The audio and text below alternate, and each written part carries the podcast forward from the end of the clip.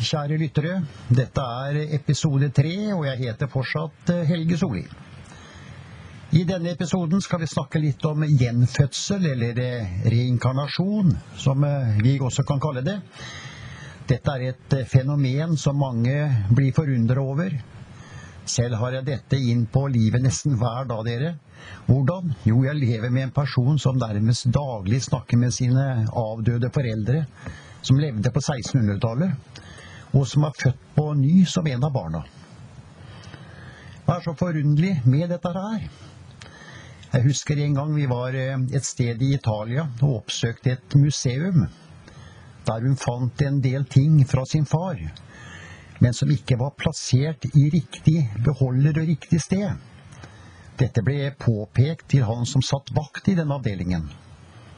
Han kontaktet museumsdirektøren, og som ble forklart at dette ikke var riktig plassert. Museumsdirektøren han forsvant ned på kontoret, og etter en stund så kom han opp igjen i full fart. Og han kunne bekrefte at dette stemte, og beklaget dette veldig. En annen gjenstand i museet var også tekstet 'Ukjent konstruktør'. Her fikk han også navnet på konstruktøren, og som denne gjenstanden i dag bærer navnet på konstruktøren. Dette, mine lyttere, kommer vi tilbake til til et senere kapittel. Forskning på gjenfødsel. Det fins en hel rekke bevis for at vi gjenfødes. Det forskes kontinuerlig på dette på universiteter, institusjoner over hele verden. Det mest kjente universitetet som forsker på gjenfødsel og reinkarnasjon, er det medisinske universitetet i Virginia i USA. University of Virginia School of Medicine.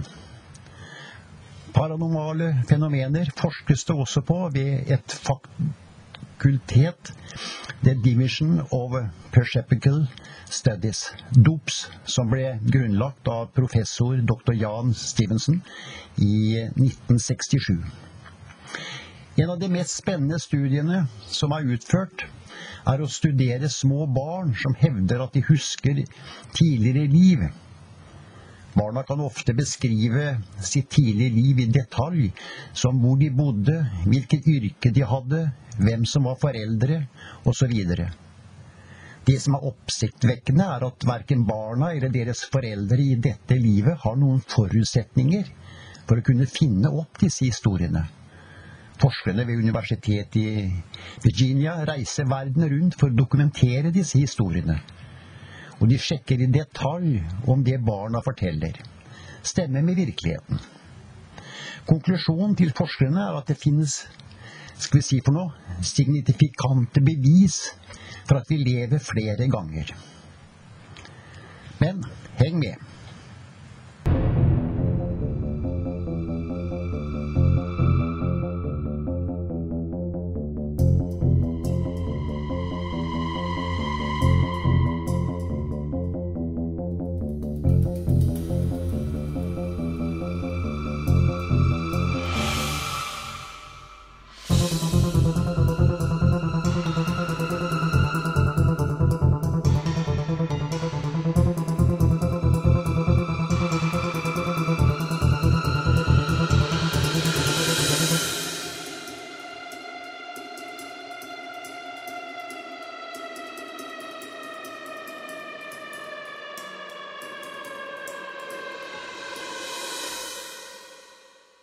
Selv opplevde jeg noe rart da jeg fylte 40 år.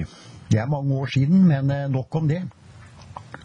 Fra jeg var ung var jeg ikke redd for høyde. Jeg klatret i høyden uten noe problemer. Den tiden arbeidet jeg i en stor tankbåt som lå i dokk. Jeg jobbet nede i tanken, den var vel over 20 meter dyp. Vi klatret ned tynne, enkle leidere, jeg gikk ofte med fronten først som noen mente var både risikabelt og farlig. Men det gjorde meg ikke noe. Noen dager etter jeg fylte 40, var jeg i bunnen på denne tanken, og da jeg skulle opp til frokost-lunsj, merket jeg at jeg begynte å stivne i leideren. Jeg grep hardere rundt rekkverket. Da jeg kom meg opp, var det å ta en halv times lunsj, og så var det ned i tanken igjen. Så denne gangen gikk jeg som man skal si, bør gjøre i en stigeleider med brystet inn mot stigetrinnet. Etter noen timer var det opp igjen for å ta kaffepause, som vi hadde den gangen. Da begynte det for alvor. Jeg stivnet flere ganger i leideren på vei opp. Arbeidskollegaene ropte at nå får du se å få opp farta. Men jeg kjente at frykten tok mer og mer tak. Etter kappbefømsen var det ned igjen, og vi arbeidet til arbeidsdagen var slutt. Opp leideren, da kjente jeg det. Jeg stivnet til.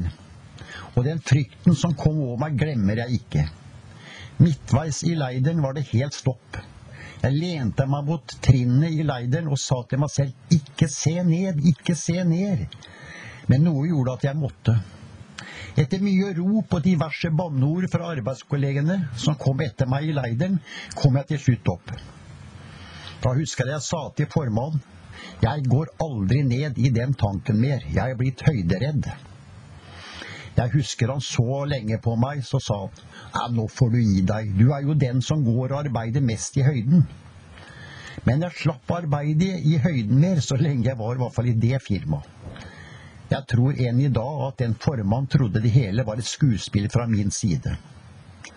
Alt dette dere hendte på bare én dag, og jeg bruker å si dagen jeg ble høyderedd.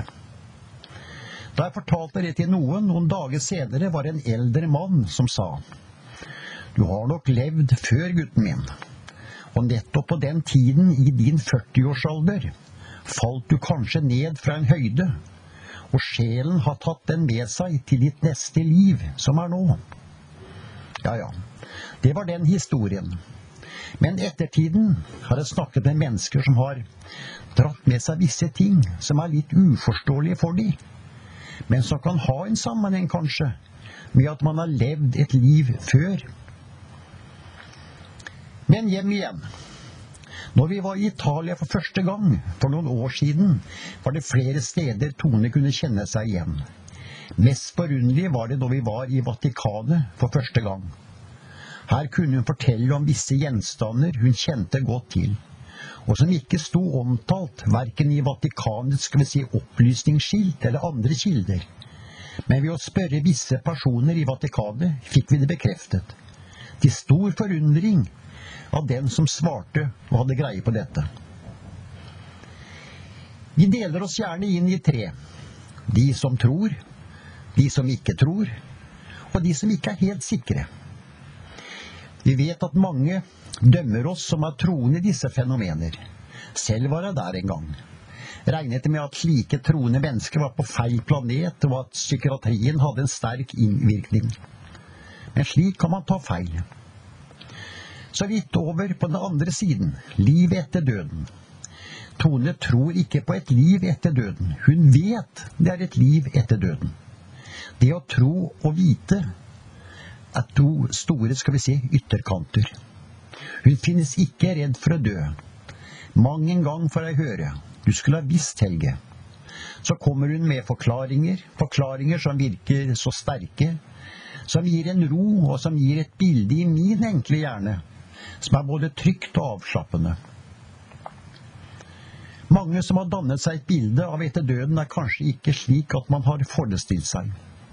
Vi som hadde bibelhistorie på skolen, lærte jo litt om et evig liv, og i små barnesinn var det nok mange rare bilder som dannet seg der. Alt fra grønne enger til hyggelige plasser der englene fløy rundt og holdt styr på alle. Ja ja, barnetroen ga oss en trygg historie. Men når vi ble eldre, var ikke lærerens forklaring god nok. Da ville vi tenke selv, og det var vel her flere av oss datt av lasset. Noen fortsatte å holde på bildet av paradiset. Andre tenkte ikke noe mer på det, mens andre fortsatte å gruble, og sikkert gjør det ennå. Men dette er slike ting vi kommer tilbake til, som Tone kan fortelle litt mer om. Ja, jeg har utallige eksempler på slike ting, og noen vil jeg selvfølgelig komme med inn til på å si da senere anledninger. Jeg synes det er riktig å legge dette inn, slik at en helhet kommer frem. Jeg regner med en gjest vil dukke opp i neste episode. At episodene kan variere i lengde, er at jeg prøver å dele det opp litt i kapitler. Utover vil jeg nok springe litt frem og tilbake til det som skjer her i hjemmet, eller på plasser vi besøker. Men jeg regner med å være på plass neste søndag. Til det, ta ekstra vare på hverandre i disse tider. Ha det bra.